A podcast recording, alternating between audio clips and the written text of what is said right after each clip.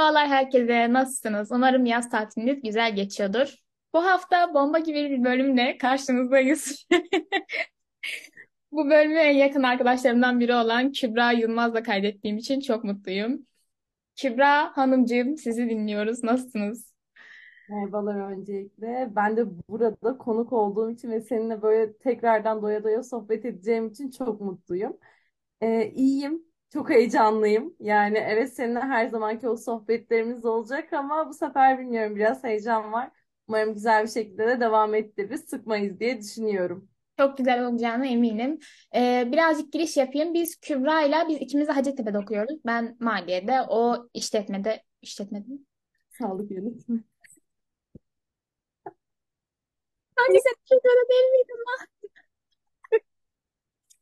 Ee, Kübra sağlık yönetiminde okuyormuş. Ben de yeni öğrendim.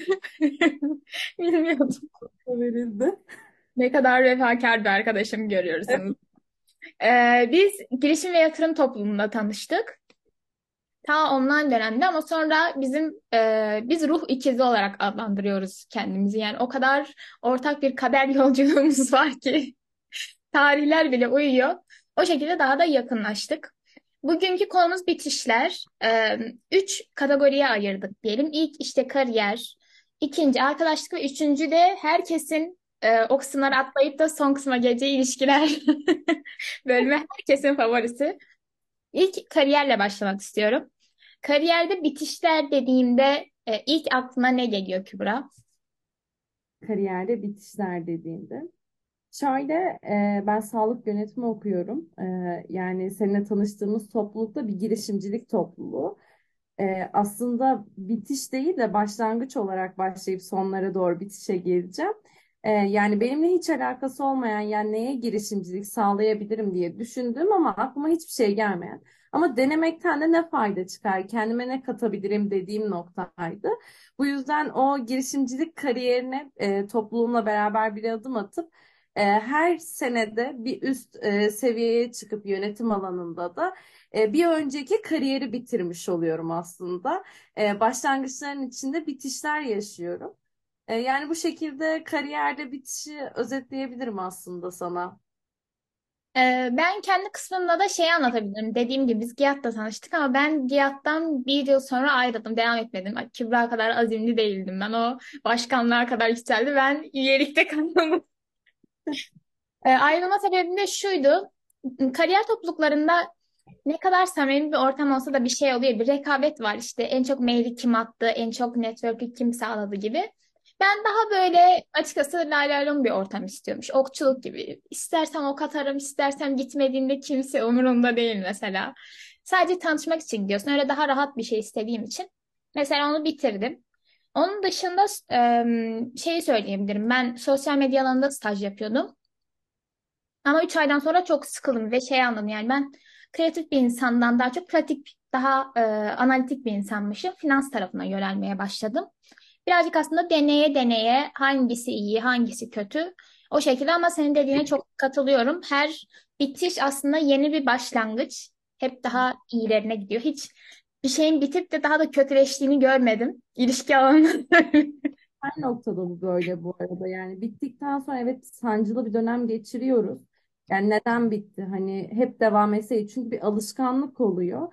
Fakat daha sonrasında bittiğinde karşına daha güzel bir şey çıkıyor kendin için ve kendine bir şey katabileceğin noktalar oluyor. O noktada şey diyorsun ya iyi ki bitmiş bu başlamış. Bu e, sanırım hayat döngüsü boyunca da devam ediyor sürekli. İyi ki bitti, iyi ki başladı noktasında. Keşke bittiler yok bence. Var mı sence? Bilmiyorum ya bazı dönemler vardır şey diyorum yani keşke bitti böyle insanın hiç kendi gibi hissetmediği Evet, böyle hmm, ya sanki bazı dönemler oluyor ya sanki sadece yaşıyorsun nefes alıyorsun ruh yok içeride o dönemler mesela hiç geri dönmek istemem. Onun dışında ama pişman olduğum bir dönem yok. Sende öyle bir şey var mı? Pişman olduğum sanırım geçen sene ilk iş deneyimim olabilir ya. Yani o süreç benim için çok sancılıydı. Doğru yönetemedim. İlk iş deneyimin olmasından dolayı e, tüm azmimi ortaya koyunca kendi enerjimi bitirdim. Ve hani bittiğinde şey dedim. E, ya bitirmek zorunda kaldım. Aslında şu an aklıma geliyor kariyerde bitiş noktasında. Ya orayı bitirdiğimde şey dedim keşke bu kadar enerjimi vermeseydim ve hani e, keşke bu kadar geç bitirmeseydim daha erken bitirseydim dediğim noktalar oldu yani. Bu arada iş noktasında bence bitişler gerçekten yani cesaret gerektiren bir şey. Çünkü özellikle çalışıyorsanız ve oradan bir maaş alıyorsanız çok mutsuzsanız ama atıyorum başka bir kaynak bulamadan ayrılıyorsanız aslında çok büyük bir risk. Ee, biz şu an ailelerimizle yaşıyoruz. Yani en azından o aile em, kaynağı var. Ama sadece tek yaşayan bir insansanız ve kendi ayaklarınızın üzerine duruyorsanız oradan ayrılmak çok zor oluyor. O yüzden de bazen cesaretli olup o adımı atmak çok önemli. Herkesin de yapacağı bir iş değildir. Evet. İş konusunda senin başka bir şeyin var mı yoksa diğer kategoriye geçeyim mi? İş konusunda yok ya. Tamam, bu sıkıcı kısmı geçiyorum o zaman. Genellikle ilişkiler, arkadaşlık, aile ilişkilerinde Evet, hep çok bitişleri olduğu için kariyer anlamında daha tam aa evet bu bitişleri yaşamadığımızdan dolayı bence o sıkıcı geliyor. Yani diğer kişilerde de öyle olduğunu düşünüyorumdur iş hayatına atılmayanlarda. evet. Umarım bitişler sizin için çok güzel bir başlangıç olmuştur kariyer alanınızla. İkinci olarak arkadaşlığa geçeceğim ve şu soruyla başlayabiliriz. Bu dönem hiç e, hayatından çıkan insanlar oldu mu? sen biri tarafından hayatından çıkarttın mı o seni ya da e, o çıkaran kişi sen miydin? O dinamikler nasıldı bu sene senin için? E, Bunu arkadaşlık bazında Ha cevap evet evet. Şöyle çok fazla oldu. Olmaya devam da ediyor yani. Bu sürekli olarak devam eden. e, önceden şey diyordum. Sanırım hata bendeki insanları hayatımda tutamıyorum, sıkılıyorum ve bu yüzden bitiriyorum. Ama sonra şunu fark ettim. E, verdiğin değerin karşılığını alamayınca e, o mutsuz olduğun noktada durmak istemiyorsun. Değersiz hissettiğin noktada durmak istemediğinden dolayı çok çabukça o arkadaşlıkları da bitirmek istiyorsun. Yani mutsuz olduğun noktada hiçbir zaman durmamalısını kendime öğrettiğim için sanırım ya da öğrendiğim için e, çok fazla arkadaşlıklar bitti bu dönem. E, bitirildim, bitti hani. Ama en çok tabii ki de ben tarafından bitirilme eylemi gerçekleştirildi. Çünkü istemiyorsam artık e, zorlamayla devam ettirilemiyor sanırım. Yani zorlamayla hiçbir şey olunmuyor bir noktada. E, en büyük bitişim arkadaşlık noktasında şunu söylemek isterim. E, 15-16 yıllık çocukluk arkadaşlıklarım. E, yani hani hiç bitmez gözüyle bakılıyor. Çünkü çocukluğun beraber geçmiş, ailecek büyümüşsünüz. Ama öyle bir noktaya geliyor ki yani şey diyorsun ya ben bunu hak etmiyorum. Kaç yıllık arkadaşım olursa olsun ya da gözümün bebeği bile olsa diyoruz ya hani ne olursa olsun hak etmeyip hak etmiyorum deyip Oradan kendimi çıkardığım nokta oldu. Sanırım benim için en büyük arkadaşlıkla bitiş bu olabilir diyebilirim. Yani benim için en zirve nokta budur. Çünkü bir yıllar var, bir emek var, bir çocukluk var. Ama tüm çocukluğunla beraber onu e, sıfırlayıp atıyorsun. Yani öyle diyebilirim aslında. Senin için bu nedir? Bana geçmeden önce benim birkaç sorum var sana. Ee, mesela seni tetikleyen şey ne oluyor? Bazı şeyler vardır. Mesela bazı insanların çizgisidir, kabul edilmez. Bu ne bileyim arkandan konuşmasıdır, yalan söylemesidir, seni yeterince dinlememesidir. Yani seni o son noktaya getiren şey neydi? Çünkü normal çok sabırlı bir insansın. Bir noktada artık tüm voltaj atıyor ve kestirip atıyorsun, yeter diyorsun. O sınırı çizmeni gerektiren şey neydi senin için? Şöyle, e, gerçekten dediğin gibi çok sabırlıyım. Yani insanları dinlemeyi çok seviyorum. Özellikle sevdiğim insanları dinlemekten çok haz alıyorum. Konuşmaktan ziyade dinlemek bana daha iyi geliyor. Fakat bir noktadan sonra şunu görüyorum. Karşı taraf beni dinlemeyi geç, ya sana nasılsın sorusunu dahi sormaktan bile e, aciz kalıyor. Yani şey diyorsun sadece nasılsın sorusuna bile bazen bir muhtaç kalabiliyor ya insan. Yani en sevdiği kişiden onu bekliyor. Ama bakıyorsun ki sen onun her şeyine e, kol kanat germişsin, koşmuşsun, bir şeyler yapmışsın. Fakat karşı taraf sana nasılsın sorusundan bile uzak kalıyor. E, bu benim kırmızı çizgim. Bir de şey yani bu çok çok yeni anladığım bir kırmızı çizgim. Bir de şey e, küçüklüğümden beri hep bu aşılanan yalan söylenilmesi. Ne söylemeyi severim ne de söylenilmesini isterim. Eğer karşımdaki bir insanın yalan söylediğini fark ettiğimde de hani bunu tabii ki de karşı tarafa fark ettirmiyorum ama ister istemez uzaklaşıyorum ve mesafe koyuyorum. Ve hani çok sert bir mesafe oluyor. Karşı taraf şey diyor hani ben ne yaptım da e, birden bu mesafeyi koydun diyor. Ama hani bunu da belli etmiyorum. Yani yalan söylenilmesi ve e, sana ne denir, bu nasılsın sorusuna nasıl bir kalıp bulabiliriz? Hmm, yani en küçük bir şey bile senden sakınıyor. Ha, En evet. küçük bir sıkınması benim kırmızı çizgilerimden. Yani onun dışında kolay kolay insanlardan vazgeçmiyorum. Kolay kolay silmiyorum. Herkesin belli bir süresi var. Bu süreyi doldurana kadar gerçekten çok sabrediyorum. Gerçekten çok tolere ediyorum. Ama o süre dolduktan sonra e, diyorum ki daha fazla kendime eziyet edemem. Daha fazla karşıdakine de eziyet edemem. O yüzden o noktada direkt arkadaşlığı bitiriyorum. Bu arada bence nasılsın sorusunu biz bazen şey diyoruz ya çok hmm, atıyorum basit bir soruymuş gibi. Ama ben bu sene aslında ne kadar anlamlı bir soru olduğunu anladım. Eskiden bilmiyorum belki büyümemiştik çocuktuk diye işte nasılsın ha iyiyim deyip geçiyordun ama bazen kötü olduğunda birinin sana nasılsın gerçekten ama eee, onun anlamını vurgulayarak sormasını ne kadar istediğini fark ediyorsun. Çünkü insan şey diyor böyle içinden özellikle bunalımda olduğum dönemde kötüyüm yani birini sorun da söyleyeyim eee şeyini çok söylemek istiyor.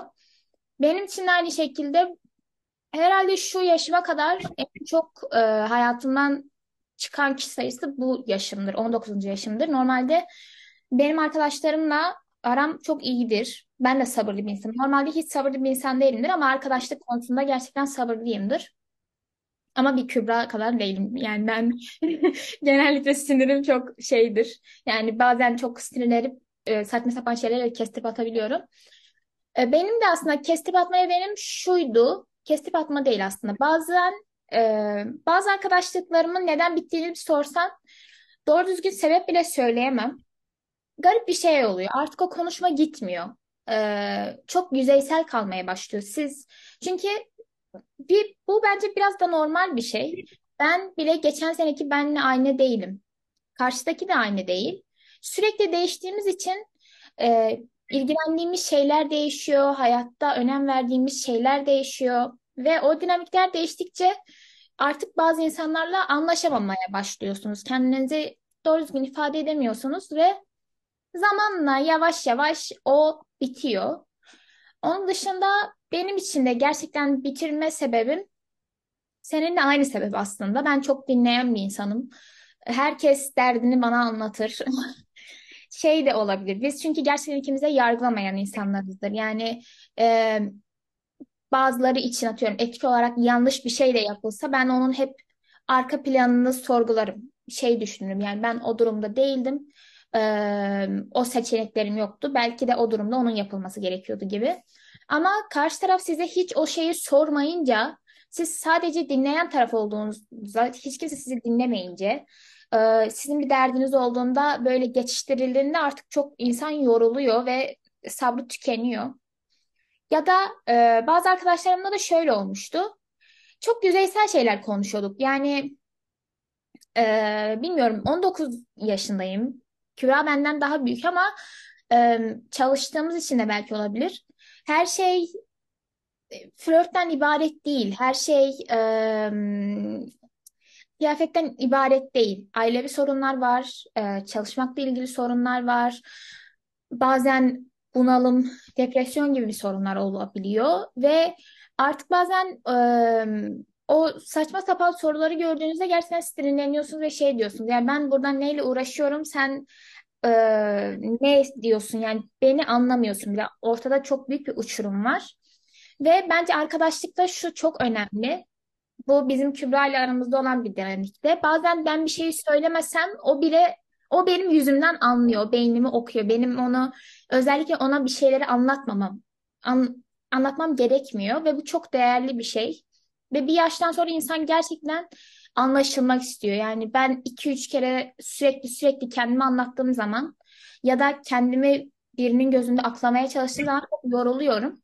O yüzden bence ben küçükken anlamazdım ama Büyüdükçe yakın arkadaşların sayısı çok azalmaya başlıyor. Yani bir elin parmağını geçmiyor çünkü Ne düzgün zaman var, ne düzgün sabır var. Yani ve ben e, küçükken şey zannediyordum. Bu insanlar hayatımızdan biri girip çıkıyor ya. E, bu tarz insanları bulmak çok kolay zannediyordum. Yani biri çıkar biri gelir ama büyüdükçe şeyi çok iyi anlıyorsunuz. O insanlar o kadar az ki e, sizi hemen anlayabilen ve onların e, değerini bilmek çok önemli. O yüzden e, bazı yaptığım hatalar olmuş sonra telafi ettim ama yani bir o bunu onu bulduğunuzda bırakmayın. Çünkü çok zor oluyor. Gerçekten 2-3 senede bir o tarz bir dinamiği yakalayabiliyorsunuz. Çok doğru diyorsun cidden. Yani şöyle bir durum var. Bazen zamanla da ölçülmüyor ya o arkadaşlıklar. Yani dediğin gibi gözüne baktığında bile senin ne hissettiğini anlayan ya da hatta şöyle bir durum oluyor. Seninle de aramızda bu oldu. Birbirimizden bir noktada haberimiz yok ama aynı şeyleri yaşıyoruz. Fakat aynı şeyleri hissediyoruz. Yani hiç böyle birbirimizi görmeden, gözümüzün içine bakmadan bile ya ben buna çok şey diyorum. Gönülden gönüle bağlanma. Bilmiyorum benim hayat mottom bu şekilde. insanlara gönülden bağlanmak. Gerçekten çok sevdiğim insanlara. Gönülden bağlandığım zaman o kişi bana kötü olduğunu söylemeden de kötü olduğunu hissedip yazabiliyorum. Ya nasılsın? İçime bir böyle şey düştü. İyi misin? Ya da "N- nasıl gidiyor ya? İyisin. Ya hani ya da mutlu olduğunda bir tek üzüntüde olduğunda da değil bu durum. Bazen hani biz şu an sadece üzüntü noktasında nasılsın dedik ama ya mesela çok mutlu bir şey başarıyoruz. Bir şeye mutlu oluyoruz ya da en küçük bir şey bizi mutlu ediyor. Biz karşı tarafın e, en küçük mutluluğuna büyük büyük sevinçler gösterebilirken yine bizim en küçük mutluluğumuza karşı tarafın bir tebrik bile etmemesi hani şey dedirtiyor insana. Ya bu insan hem zor günümde yanımda yok, e, mutlu günümde de yanımda yok. E, o zaman bu insanın benim hayatımda kalabalık etmesine gerek yok. O yüzden dediğin gibi zaman geçtikçe bu şey çok azalıyor. E, azaldıkça da böyle o kalan değerli inci taneleri diyorum. O değerli inci tanelerini de böyle sarıp sarmalayıp kıymetli bir şekilde o dostluğu, o e, iletişimi devam ettirmek gerekiyor. Katılıyorum o noktada sana.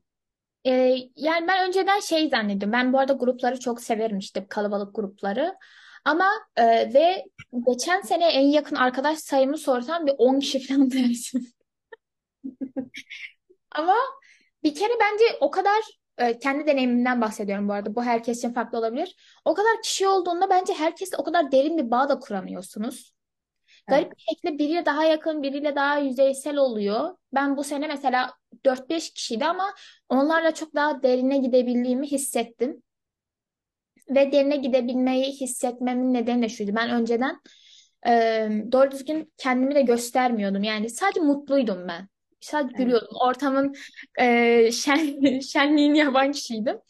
Bu sene ama kötü hissettiğimde ben kötü hissediyorum diyebildim. Yani depresyondayım, ne bileyim ben bunalımdayım, iyi değilim, keyfim yok deyince aslında insanlar da eğlenmeye başlıyor. Çünkü bir takım insan vardı işte sen hep mutluydun, hep niye şaka yapmıyorsun? İşte ne oldu? Ya ben ortamı sikerim abi yani. Benim de kötü hissettiğim şeyler var. Ee, sizin her halinize okey olan insanları görmeye başladığınızda tek tek elenmeye başlıyor ve ilk böyle olduğunda ben de kendimi sorgulamış şey dedim. "Ay, Acaba bende mi sorun var? Ben mi kötü bir insanım? Bu insanlar bana karşı çok anlayışlı. Ama bu aileden de gelen bir şey bence ya da ailemizde olur ya hep akrabalardan nefret edilir ama hep bir şey ortamı vardı. İşte biz birlik beraber işte çok güçlüyüz. O yüzden de olabilir ama e, farkındalık geldikçe her insan yani hayatından çıkarabilirsin. Toksikse toksiktir. Maalesef ki geçmiyor. Esas biraz ben merkezci olmak lazım. Maalesef ki egoistikten bahsetmiyorum tabii ki ama sizi mutlu etmeyen bir şey varsa artık ona dur diyebilmek de çok güzel. Hem bir bitiş hem bir başlangıç. evet. Çok doğru. Çok doğru dedin. Yani sonunu çok güzel bir şekilde bağladın. Katılıyorum o noktada. Umarım e, yani bu yaşından sonra da aynı şekilde kendim için de ve bunu dinleyen insanlar için de diliyorum. Gerçekten sizi anlayan, bizi anlayan, hani e, anlamayı bilen, e, dinlemeyi bilen, empati yapmayı bilen insanlarla karşılaşırız. E, bunların sayısı azalmaz, artar. Böyle gerçekten onları değerli bir kutuda saklayarak, hayatımıza güzellikler katarak, böyle değerli şeyler katarak e, ilerlemeye devam ederiz diyorum. Arkadaşlık konusunda eklemek istediğim başka bir şey var mı? Ben senin arkadaşlığına, enerjine teşekkür ediyorum burada. Ya Yeri ben teşekkür ederim. Çok tatlısın. Senin enerjisi her zaman en başından beri tanıdığımdan beri o kadar güzel, o kadar tatlı bir enerjisi var ki. Hani Tenzi'nin enerjisiyle ben hep böyle cıvıl cıvıl oluyorum diyebilirim yani. Ee, teşekkür ediyorum arkadaşlığına. Yani nasıl diyeyim? Giyat'ın bitişiyle bizim çok güzel bir arkadaşlığımız başladı. Ben buna teşekkür ediyorum. Ben de çok teşekkür ederim. İyi ki varsın. Bu arada biz Kübra ile çok garip oldu aslında. Biz e, GİAD'da online'dı. Doğru düzgün birbirimizi tanımıyorduk. Sonra ama böyle Instagram'dan falan hep böyle beğeniyorduk falan. Sonra sonra nasıl oldu? Biz bir gün oturduktan sonra mı? e, hayır, ha, sen standa gelmiştin. Okçuluk standına gelmiştin. Ondan sonra böyle kaynaştık. Sonra ama en çok bağlandığımız şeydi. Ben ilk defa bu sene buluştuğumuzda ikimizin de böyle yerlerde olduğu zamanlardı. Ben Ne zaman, hangi tarihte o? Ocak'tı. Ocak değil mi? Ee, işte o lanetli benim e, Ocak Mart arası ben bunu her arkadaşım bildiği için podcast'te söyleyeceğim. Benim depresyonda oluşumun o 3 ayıydı. Ee, bir bitiş yaşamıştım ilişkilerimde. Güzel bir bitiş mi? Kötü bitiş mi? Ama. Çok güzel bir bitişti yani. Ee, neyse onu ilişkiler kısmında anlatırım. Ve ben geldim ve biz daha çok yakın değildik yani. İşte ayıp olmasın diye ben de gülüyorum falan. Aa, nasılsın Kübra? Ve şey dedi. Bir şey olmuş. Sen e, iyi değilsin. Yani bir yalandan görüyorsun. Hmm, üzüldüğüm bir şey var diye. Şok olmuştum. Çünkü ya abi, bazı insanların yanına ağlayıp gittiğimi hatırlıyorum. Ee, şey yani nasılsın, iyi misin, hayat güzel gidiyor gibi gibi bir soru alıyordum. Ee, beni doğru düzgün tanımayan bir insan beni o kadar hızlı okumasına çok şaşırmıştım. O yüzden beni bu kadar e, çabuk anlayabildiğin ve kendimi sana anlatmak zorunda olmadığım için çok teşekkür ederim. Bu çok özel bir bağ. Burada biraz evet. kendimizi övmesi Gerçekten övdük biraz kendimizi ama köşeye nazar boncuğu Evet, koyabiliriz ya da nazar değmesin diye dua edebilirseniz sevinirim. olur. Şimdi herkesin o merak ettiği o bölüme geliyorum. İlişkilerdeki bitişler. Ee, ilk önce şuradan başlayayım. İlişkilerinde şanslı biri misin Kübra? Yani böyle çok hayırlı giden ilişkiler, böyle her zaman takdirle andığın insanlar var mıdır? Yani sanırım herhalde her konuda konuşurum da bu konuda konuşamam. Bu konuda en konuşamayacağım konudur diyebilirim yani. Ama en çok kaos entrikanın olduğu için bu konuda bazı doneler verebilirsin. Yani sence atıyorum bu ilk başta kendimizden başlayalım sonra. Kendi ilişkilerinde senin eee şunları şunları hatalı yaptım ve diğer gelecek ilişkimde bunu yapmayacağım yapmayacağım dediğin şeyler ne? Sen de atıyorum bunu zedeledi diyebildiğin şeyler. O, her şeyi doğru yaptıysan da söyle. o kadar sert bir soru oldu ki böyle tokat gibi Tamam çarptı. ben başlayayım istersen sen o kadar düşün. Sen başla ben o sırada düşüneyim. Ee, benim açıkçası ikili ilişkilerdeki en büyük şeyim ben kırıldığımı karşı tarafa söylemiyorum ve bu çok yaralayıcı bir şey. Yani e, ya çünkü şey diye düşünüyorum. Yani salak değilse bu kırıldığımı anlaması gerekiyor. Yani çok açık gibi geliyor bana. Ama e, bunu yakın erkek arkadaşlarımla da konuştuğum zaman anlamıyorlar bazen gerçekten. Kendi abimden de deneyimledim yani bunu. Hissettiğinizi söylemeniz gerekiyor. Yani belki kötü bir şey oldu ve artık o ayrılık noktasına gelindi. Ama e, ben mesela çekip gidiyordum yani. Mesela tüm her yerden çıkarıyordum, konuşmuyordum vesaire. O da kötü bir şey. Çünkü belki düzeltilebilecek bir şeyi de aslında mahvediyorsunuz. O yüzden karşı tarafa da kendinize de aslında o zamanı verip ben şuna şuna kırıldım demek çok önemli. Karşı taraf atıyorum bu sizin için çok önemli bir şeydi ama Onun için şey der, Aa, buna mı kırıldın işte hiç de gerek yokmuş. Tabii öyle bir şeyle karşılaşıyorsanız ama bu sizin çok önemliyse o zaman okey demek ki bu insan değilmiş deyip çıkıp gidebilirsiniz ama ben çoğu zaman sebepsiz yere sebepsiz yere değil. Benim için çok önemli, çok kırıldım ama bunu karşı tarafın da bilmesi gerekiyor. Yani ikili ilişkinin önemli bir şeyi o. E, iletişim, açık iletişim çok önemli. Onu çok düzeltmek isterdim.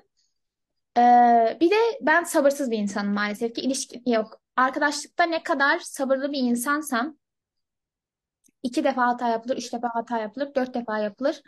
Ee, benim için okeydir ama çok gariptir. İlişkide bir hata yapıldığında ben e, hemen kestirip atarım.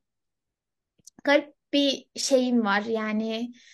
E, Tahammül ediyorsun mu diyelim buna? ne?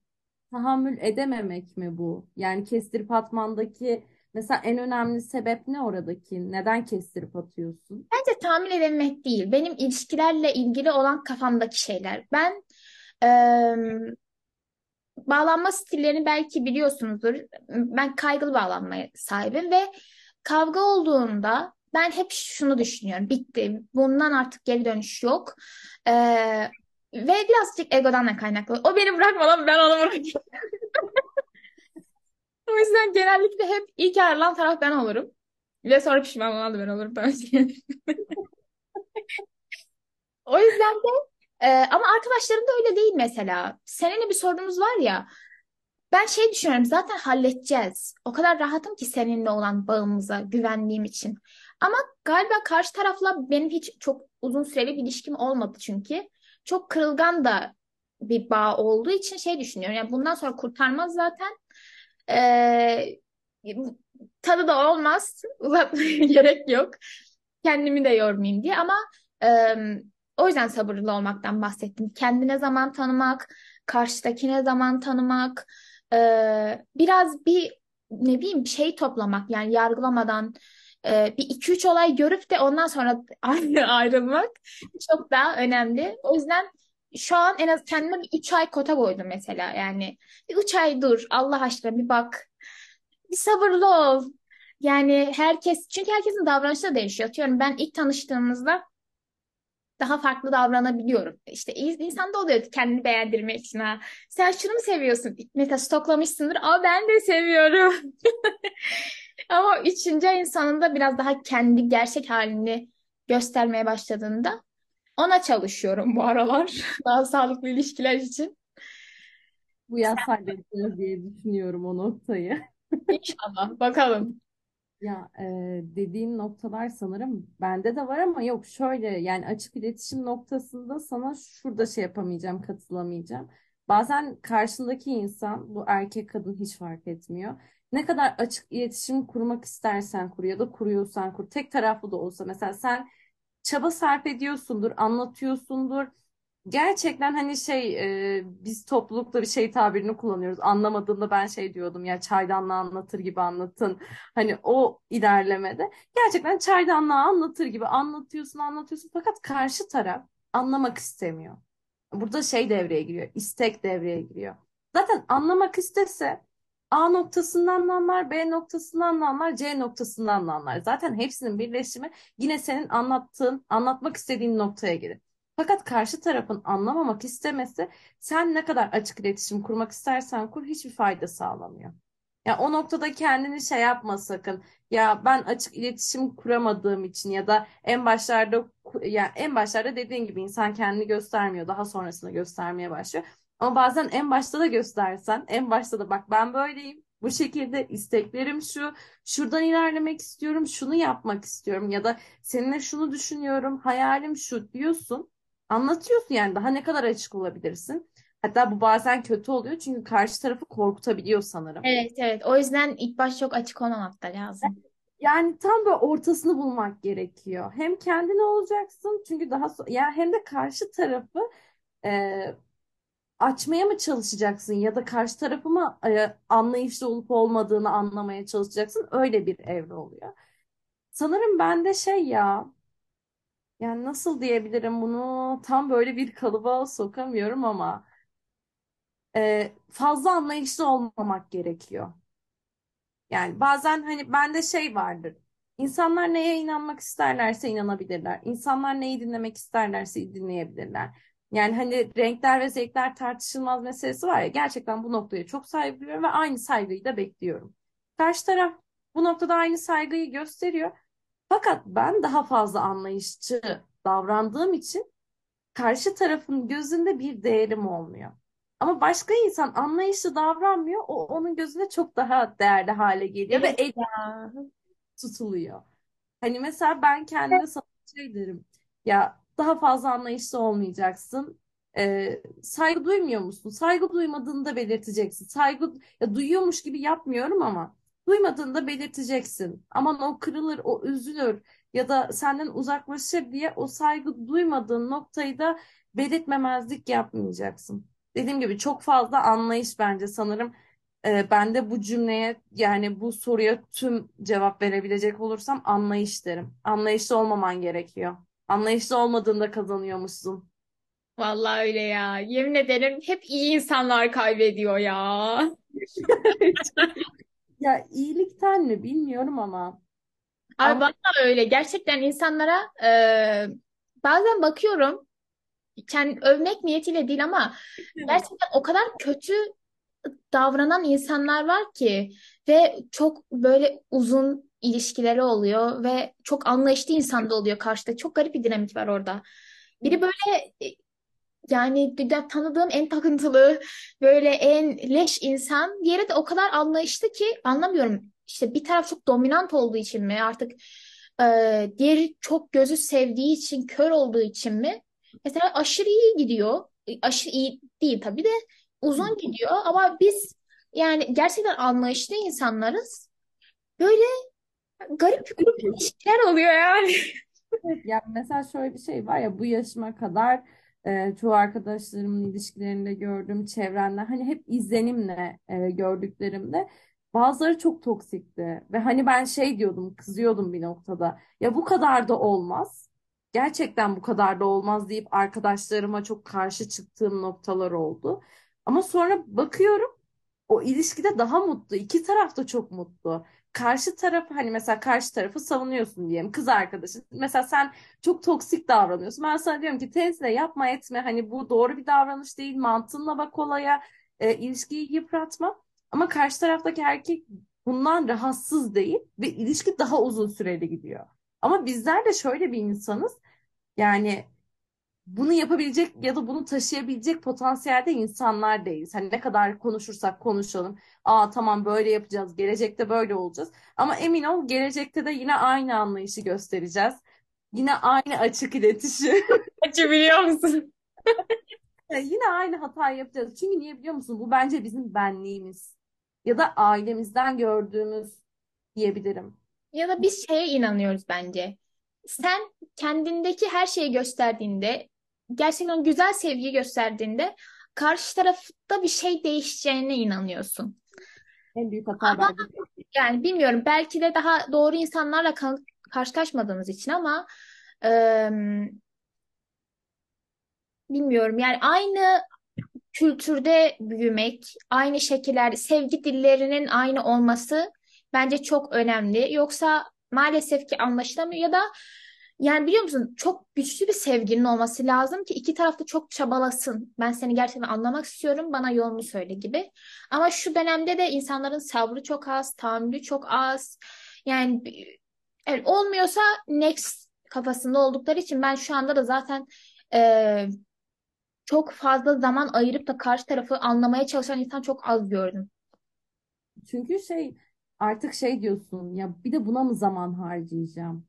Ya zaten Bence sıkıntı şuradan başlıyor. Mesela o e, o kişiye karşı çok sabır, çok anlayış göstermişiz ya. Bir de biz bizdeki en büyük hata ne biliyor musun bak? Bence dinleyenlerde de bunu kendinde bulacaklarını düşünüyorum. Her şeyin en uçta yaşamak. Mesela sevgi mi? En uçta yaşıyoruz. Öfke mi? En uçta yaşıyoruz. Hayır ya bir ortamız olmalı. Ortamız olmadığı için çabuk tükeniyor. E bir sonraki kişiye bir şey kalıyor mu? Kalmıyor. Hevesin kalmıyor, isteğin kalmıyor. Tanımayı bırak hani gerçekten bir selam yazılıyor ya. Şey diyorsun ya senle mi uğraşacağım? Kalsın selam kalsın deyip gerçekten çok e, bence kendi ruhumuza da zarar veren bir kişiliğe dönüşüyoruz. O yüzden bence e, duygularımız noktasında kendimizde aramamız gereken hata. Yani bu konuda senin adına da konuşacağım. Kendimizde aramamız gereken şey sanırım şu orta noktayı bulabilmek kendi duygularımız için.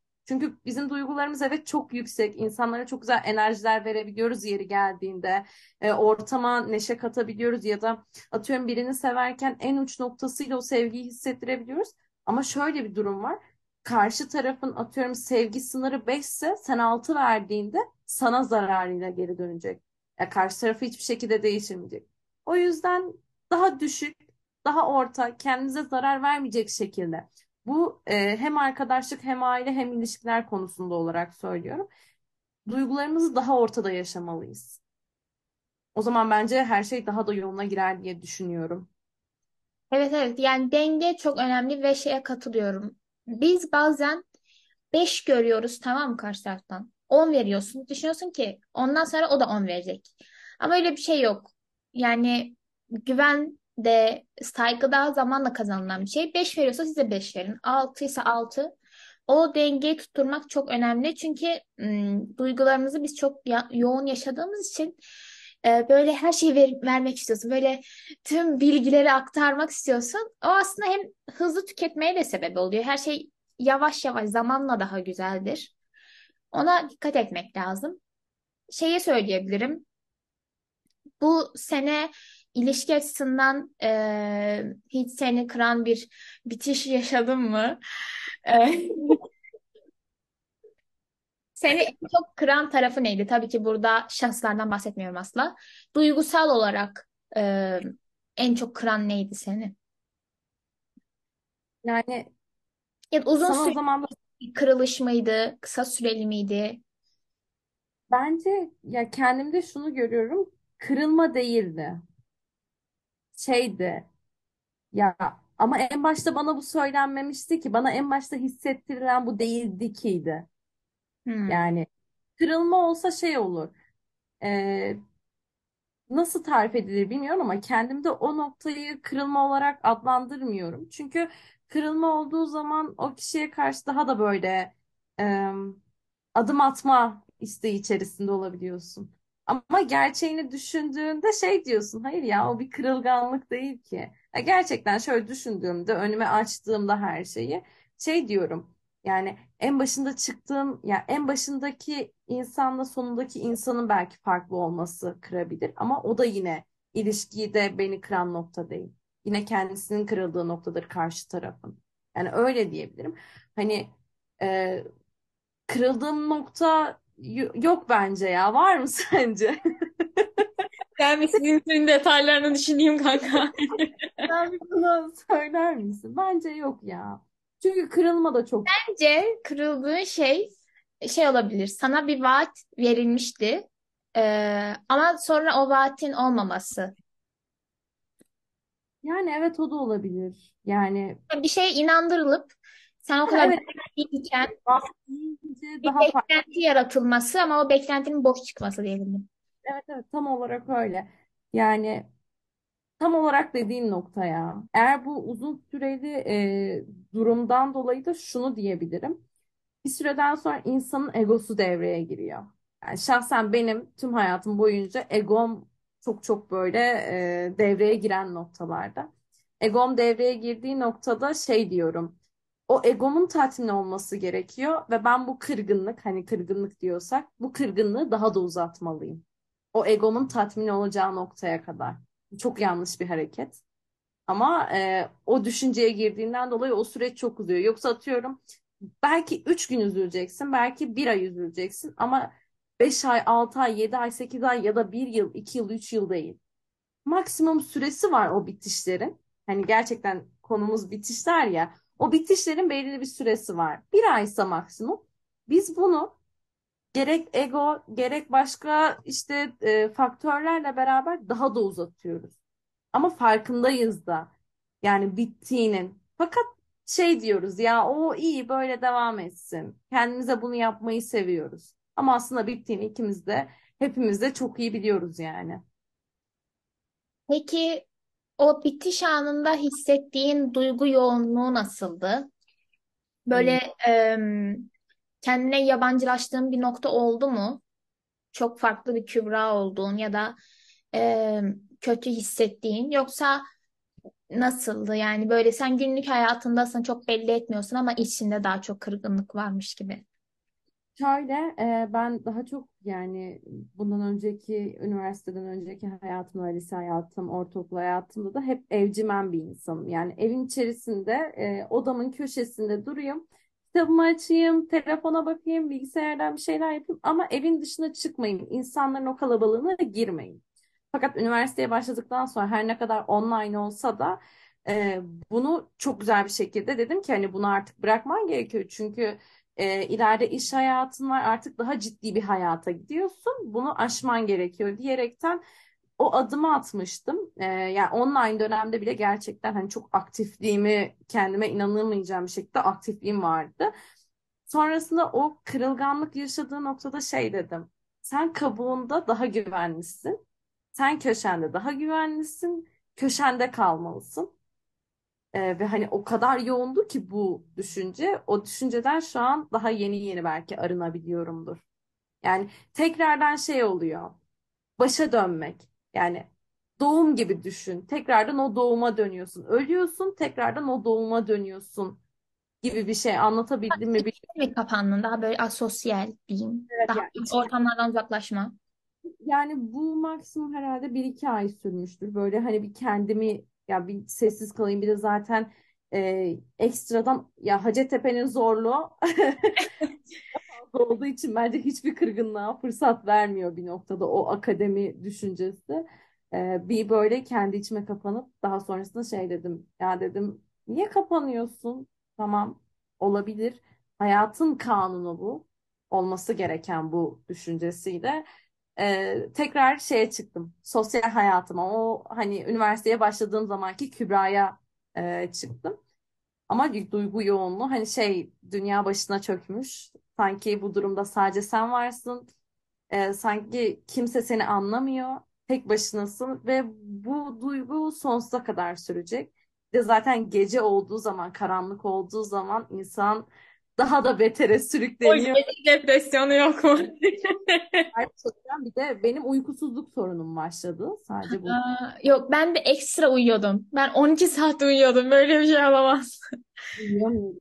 Çünkü bir süreden sonra e, uykuyla uyanıklık arasında o her şeyi yaşıyorsun ya beyinde. Hani artık o beni çok yormaya başlamıştı. Belki beni kıran nokta bu olabilir bak. Hani o uykusuzluğu tekrar şey yapıp kendimle tekrar savaşmak beni kıran nokta olabilir. Hani bu şeyde. Ama çok yorucuydu. Geçmeyecek sanıyorsun. Mesela diyorum ya bir gece oluyor ya diyorsun ki güneş hiç doğmayacak, sabah hiç olmayacak. Ama bir bakıyorsun ki sabah da oluyor, güneş de doğuyor, hayat da devam ediyor. Sadece şey yapmak gerekiyor. Sabırlı olmak gerekiyor. Yani bir yaranın iyileştiğini görüyorsun. Yani şuran kesiliyor. Biliyorsun ki evet canın acıyor ama bir iki hafta sonra ya da üç hafta sonra o yara e, şey yapacak. iyileşecek. İzi kalıyor. Görüyorsun. Ya gördüğün zaman şey diyorsun. Aa ben bu zaman bu kadar acı çekmiştim. Ya da bu kadar acımıştı. Ama sonrasında o acıyı hissetmiyorsun. Bence olay tamamen bundan ibaret sanırım. Ee, benimki Sendeki durumu anlat. benimki işler acısı. Yani ben hep ya mutlu bir insandım ya ben. Yani e, çok enerjik, hayat doluydum. Benim hayat enerjimiz yok. Böyle bir şey olamaz. Teyzeye ben şey dedim. Ne zamandı? Ee, herhalde birkaç ay önceydi. Telefonda konuşuyoruz. Bir konu olmuştu. Bir konuya çok sinirlendik. İkimiz de çok şaşırdığımız bir konuydu. Tenzi'ye sadece şunu dedim. Gözünün ışığı gitmiş Tenzi'de. Ve hani onu o anki öfkemle mi acaba dedim diye düşündüm. Ama sonra gözümün önünden Tenzi'nin o mutluluğu böyle geçti ve şey dedim. Gerçekten bu kızın gözünün ışığı vardı. Hala aynı enerjisinde. Enerjiden hiç ödün vermiyor ortama girdiği zaman. Ama gözünün ışığı dediğimiz bir konu var ya. Hani yani Tenzi'de gerçekten onu kaybettiği noktayı kaybettiği noktadaydı diyebilirim. Ee, yani şöyle benim aslında kırılma sebebim şuydu. Ee, benim genel eski flörtlerimde hep bir güven sorunu vardır. Yani şunu çok duymuşumdur bana güvenmiyorsun diye.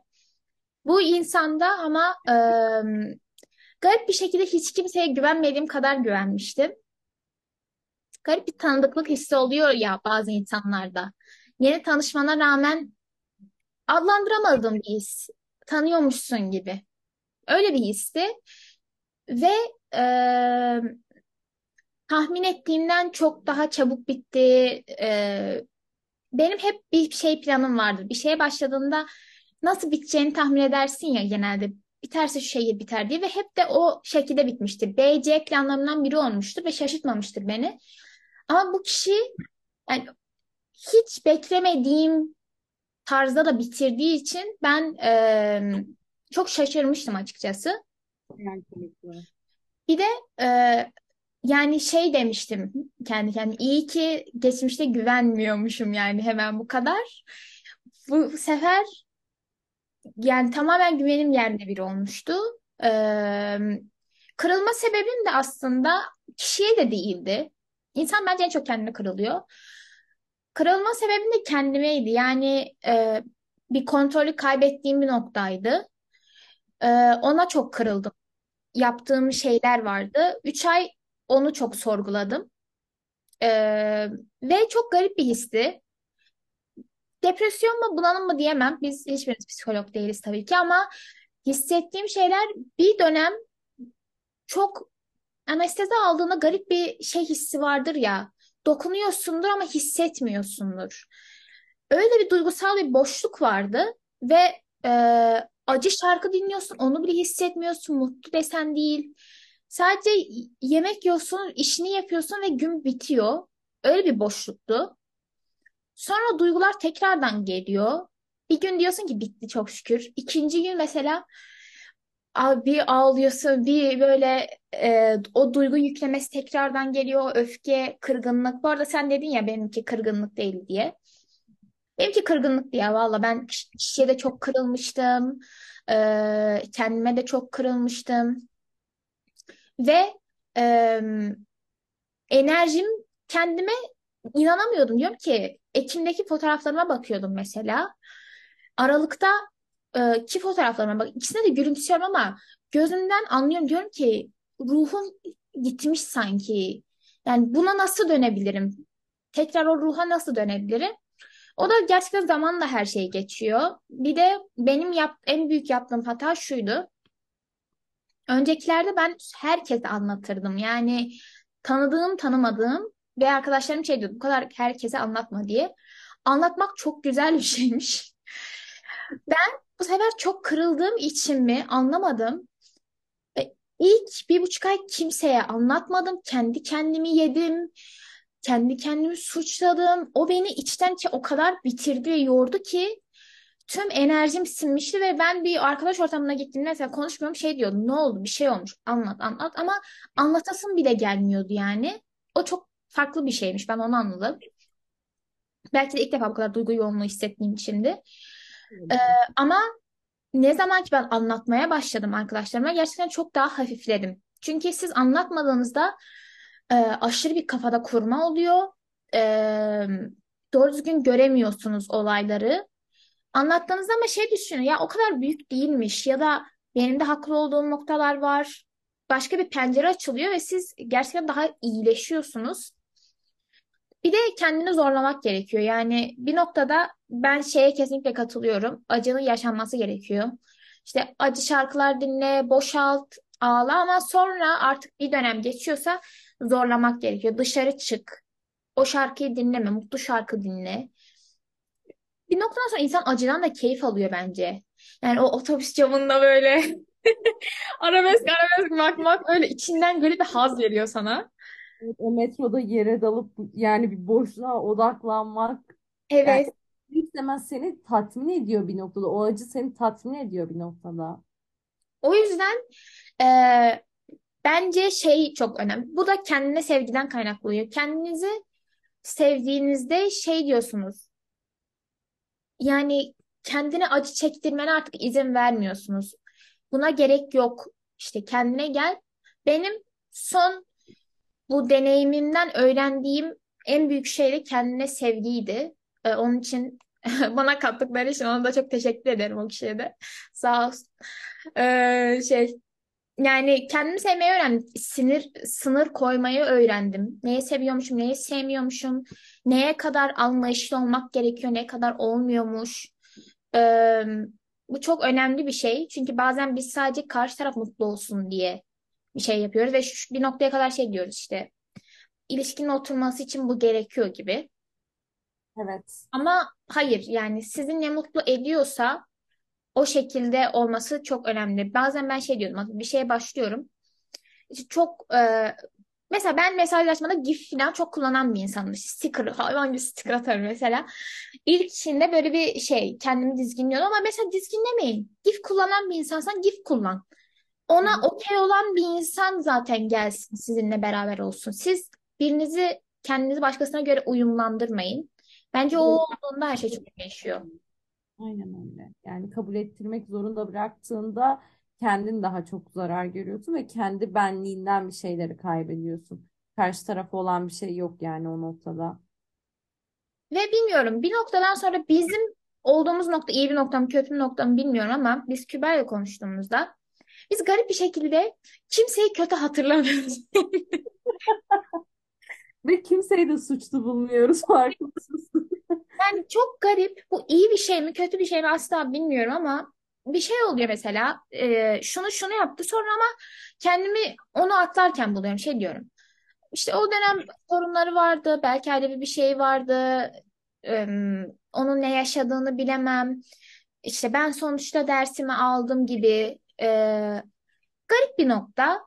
İyi yanları da var. Çünkü nefret de çok ım, yük, öfke de yük, ım, size zarar veriyor. Ama bir noktadan sonra karşı tarafa nötr olabilmek de bazen avantajları oluyor gibi. Evet gerçekten de öyle. Yani bizde gerçekten şey var. Karşı tarafı asla suçlu bulmuyoruz. Çünkü karşı tarafı asla yani suçlu bulursak şey olacak. Bizim kendimize verdiğimiz değer ve kendi ger- kendimizin gerçeklerle yüzleşmesi daha da hızlanacak. Biz e, kendimizin o gerçeklerle de yüzleşmesini istemediğimiz için hep kendimizi suçlayıp şey yapıyoruz. Ya işte ben böyle yapmasaydım böyle olmazdı. Ya da ben böyle yapsaydım böyle davranmazdı. Ama şöyle bir durum var. Sen öyle yapsaydın sen olmayacaktın ki. Yani sen öyle olacaksan karşıdaki kişi zaten seni o şekilde kabul etmemesi gerekiyor. Sen çünkü ona göre e, bir kalıba giriyorsun. Onun isteklerine göre bir insan oluyorsun ya da onun düşüncelerine göre. Ama sen kendi düşüncende nasıl ki onu kendi düşüncesiyle kabul edebiliyorsan o da seni aynı şekilde kabul etmeli. Ama biz hep şeyiz. Ya hayır ya bizden bizden kaynaklı. Biz hep hatalıyız. Biz hep hata yaptık var vardı işte. Biz yoluna koyamadık. Biz korkuttuk. Biz çok cesaret ettik. Ya düşünsene deme, diyebilmek önemli. Demek ki karşı taraf bunu hak etmiyormuş. Demek ki karşı tarafı bu çok ağır gelebiliyormuş. Bunu dediğimiz noktada bence bizdeki bazı şeyler de değişiyor. Kendimize olan sevgimiz gibi. Evet. Yani bu çok önemli bir şey. Bazen kabul etmek lazım. İşte ben hatalıydım ya da o hatalıydı. Yani biz sürekli kendimizi suçlama eyleminde bulunuyor- bulunuyoruz. Ama belki bundan da kaynaklı olabilir. Ben e, biz elimizden gelen her şeyi yaptığımız için bugün olduğum noktada dönüp baktığımda e, ya kimseyi kötü hatırlamıyorum. Kimseyle ilgili bir pişmanlığım yok. İçimi tırtıklayan bir şey yok. Çünkü ben elimden geleni yaptım. Elimden gelen sevgiyi de gösterebileceğim kadarıyla yani olabilecek her noktayı zorladığım için içim çok rahat. Bugün dönüp baktığımda gerçekten kimseyi de kötü hatırlamıyorum. Herkes bana bir ders verdi. Ee, birinin sonunda kendimi daha çok sevmeyi öğrendim. Birinin sonunda e, ilişki nasıl şefkatli, daha alttan alan, daha sabırlı olmayı öğrendim. girip çıkan herkese teşekkür ederim günün sonunda. Ee, kimseyi kötü hatırlamıyorum o yüzden. Umarım kimse de beni kötü hatırlamıyordur. Hatırlarsanız da anlatayım çünkü elimden geleni yaptım.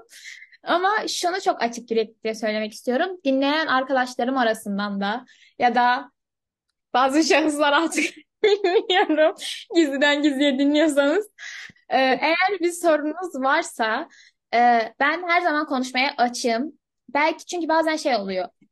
Biri kırılmış oluyor ve sen farkında bile değilsin. Benim başkalarına yaptığım gibi. Ben onun onu tetiklediğini hiç o zaman fark etmemiştim. Eğer içinizde bir ukde kaldıysa, ben buna kırıldım ama hiç konuşamadınız dediğiniz noktalar varsa ve bunu şu anda dinliyorsanız gerçekten ikimize de zaten bize yakın insanlar nasıl ulaşacağını biliyordur. Ulaşın ve konuşalım. Ee, belki benim de bir hatam vardır, onun bir hatası vardır. Ee, hallederiz ve e, hiç kimsenin de içinde bir şey kalmamış olur. O yüzden çekinmeyin. Tüm e, şeyi şapkanızı önünüze koyup düşünün. Şu şunu kırdı da bir yazayım Tenzi'ye, Kübra'ya bunu konuşalım diye.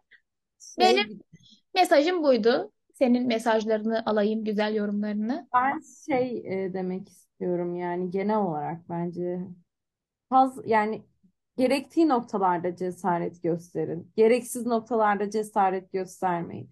Ya mesela kırılıyor musun Tenzi'nin dediği gibi hani ben Tenzi'ye kırıldım. Yani bunu farklı noktalardan, farklı eylemlerle değil de ya telefonu açıp bu kadar zor değil ya da bir mesaj atmak bu kadar zor değil. Tenzile ben sana şu şu noktada kırıldım ya da bunu diyebilmek zor bir şey değil. Çünkü biz bunu çok yapıyoruz ya. Ya biz bunu hem arkadaş hayatında her haya- her hayatımızın her noktasında bunu yapabiliyoruz. O yüzden karşı tarafların cesareti nerede kullanabilmesi gerektiği önemli. Çünkü karşı taraf ya bizim gördüğümüz şey şu sanırım senin de aynı şekilde. Cesareti çok boş yerlerde kullanıyorlar. Tıpkı benim de e, bir zamanlar cesareti çok e, boş noktalarda kullandığım gibi. Yani cesaretinizi doğru noktalarda kullanırsanız hayatınız doğru noktalarda ilerler. Doğru insanlarla kesişir.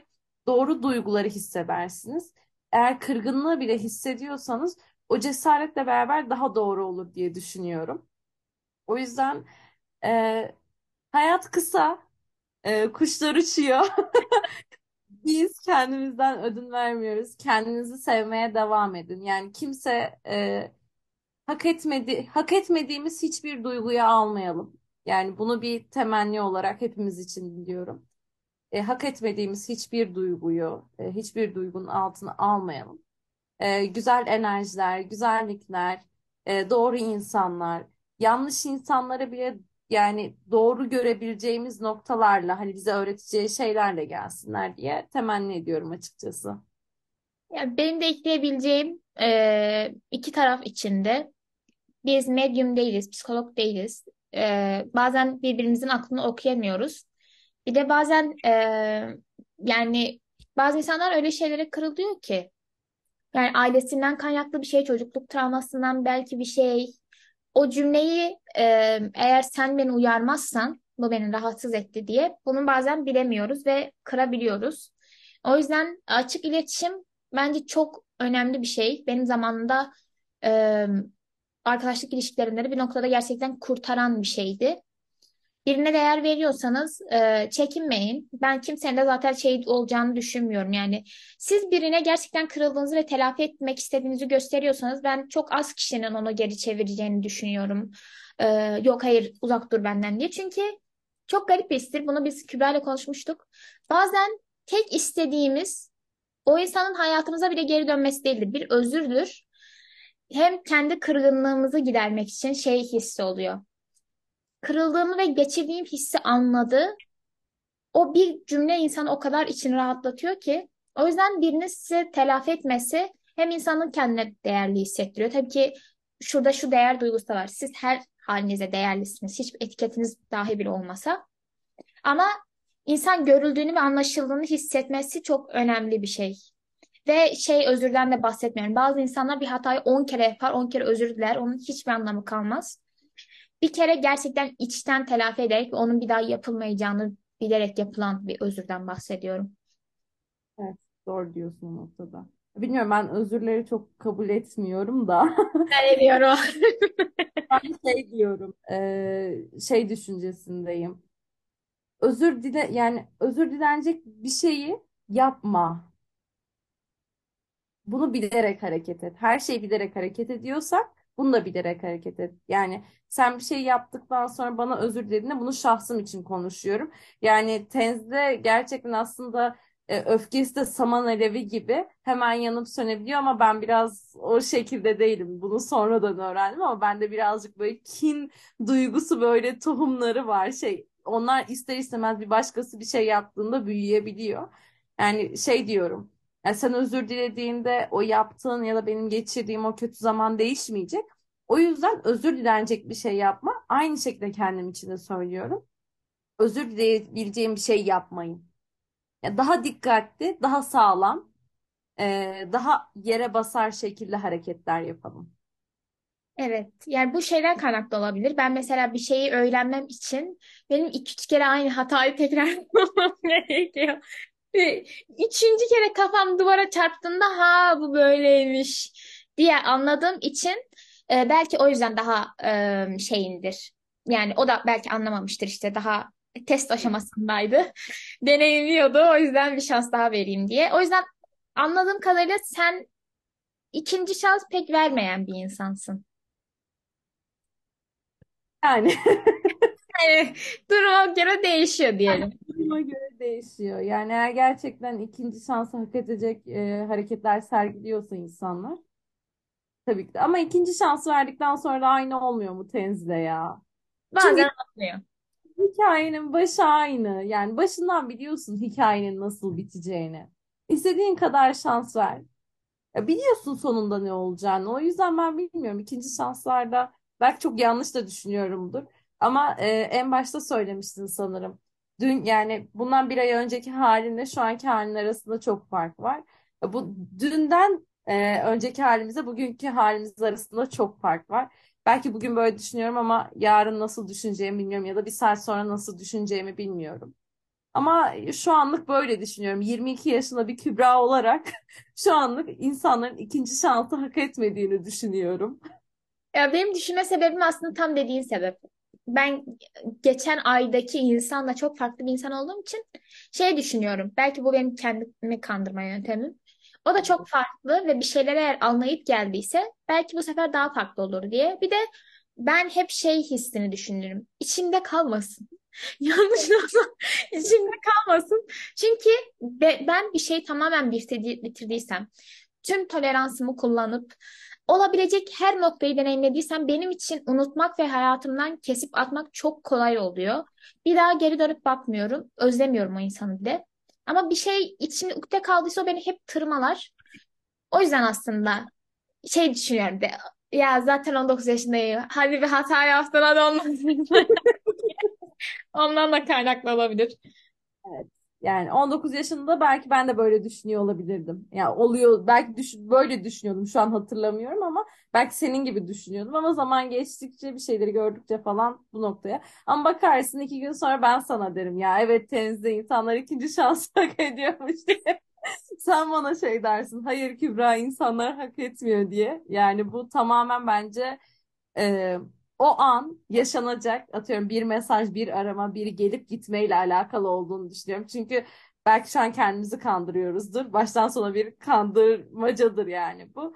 Ama bir e, gerçekten bir durum yaşandığında e, o anki ortaya çıkan eğer bir bastırdıysak hislerimizi, duygularımızı ortaya çıkan hislerle yapacağımız hareketlerle zaten e, dedik tezlerimizi çürütmüş ya da Yani iki, iki gün önce ya asla asla evet demem ya dediğinde o arkadaşını böyle sesin titreyerek aradığım bir şey var. Ya kanka bir şey oldu ama Aynen tam o modlara gelebiliriz. O yüzden artık büyük konuşmamaya çalışıyorum. şey yaptım ama aslında şey, arkadaşlar şey derse engelli değil miydi?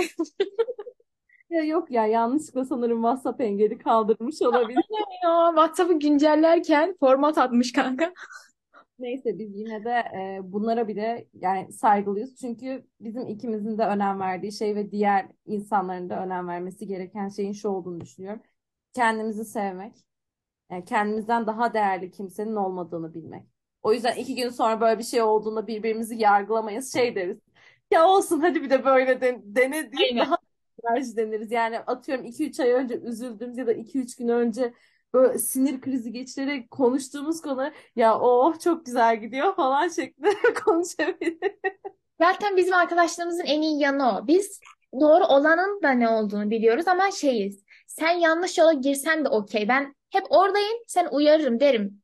Atıyorum bu değil. Ama şey olmaz yani. Ben sana demiştim işte şunu yapmayacaktın. Şimdi gitti acısını çek. Hayır, biz kötü günde de bataklıkta da yine e, aynı şekilde yanındayız. Bataklığa da beraber batıyoruz. Aynen, Çıkarken de aynen. Menülerimizle tüm her şeyi hallediyoruz. İşte mükemmel bir arkadaşlık. Allah nazarlardan korusun. Yani nazarlardan saklasın.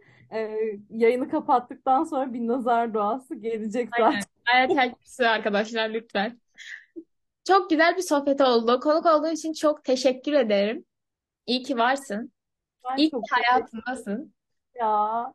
Ben çok teşekkür ederim. Yani şöyle söyleyeyim. Umarım dinleyenleri sıkmamışızdır ve şey yapmamışızdır. Ama böyle tekrardan içimden bir şeyin böyle kalktığını hissediyorum. Hani bir rahatlama, bir huzur derler ya. Yani evet hep konuşmalarımızda o küçük küçük kalkıyor ama şu an böyle diğer insanlarla da paylaşıyor olabilmek bana çok güzel şey kattı. Asıl sen iyi ki varsın, iyi ki tanıdım. Yani e, tüm yaşlarına şahit olabilmek dileğiyle. Ay, inşallah çok güzel bir dilek söyledin. İnşallah. Ben Ben tüm senin için yaşlarına aynı şekilde. Gerçekten senin tüm yaşlarına şahit olup tüm hatalarını da tüm doğrularını da görmek istiyorum. Aynı şekilde Ben de senin senin kanka. Ben de senin. tüm hatalarımda yanımda olup tüm hata, doğrularımda da beraber mutlu olabilmeyi, beraber e, güzellikler başarabilmeyi çok istiyorum her noktada. Ben teşekkür ederim. Ben teşekkür ederim. Ee, biz son cümle mesajı söyleyelim. Bu bölüm için bir cümle bir mesaj söyleten. Farz et istediğin arkadaşın veya kişi seni dinliyor. Bir cümle alayım. Öyle bitireceğim. Ee, bir, iki, Allah belanı versin. bizim o kadar elit elit konuşup en sonunda da böyle gerçek şeyi ortaya dökmemiz. Keşke hayatıma girmeseydin Allah'ın cezası deyip. Gerçekten bitişler dedik ya. Yani çok klasik, çok basit bir cümle. Ama bitişler en güzel başlangıçlara sebepmiş. Ya iyi ya da kötü bitiş fark etmiyor.